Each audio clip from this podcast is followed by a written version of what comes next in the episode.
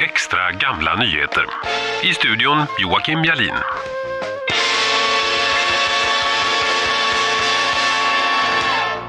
Transportnyheter 1906 I början av 1900-talet möts två stycken av dåtidens transportmedel i en viktig fråga. Närmare bestämt velocipedavgiften på järnvägen. Bland de nya bestämmelser för trafiken och stadsjärnvägarna som trätt i kraft med nyåret märktes även den att velosopeder ej hädanefter beordras som resgods utan avgift. En velisoped är ett annat ord för cykel. På 1800-talet kallades cykel för bicycle, ja, som ett direkt lånord från engelskan. Men i början av 1900-talet använde man ordet velisoped hämtat från franskan. Däremot kommer särskilda velocipedbiljetter att tillhandahållas.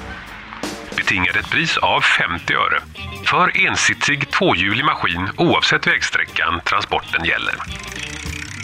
Trehjuliga velocipeder kostar dubbla avgiften. Befordringen av maskinerna sker som förut. Runt år 1900 introduceras faktiskt ordet cykel som senare blir den vinnande beskrivningen av en tvåhjuligt fordon med trampor.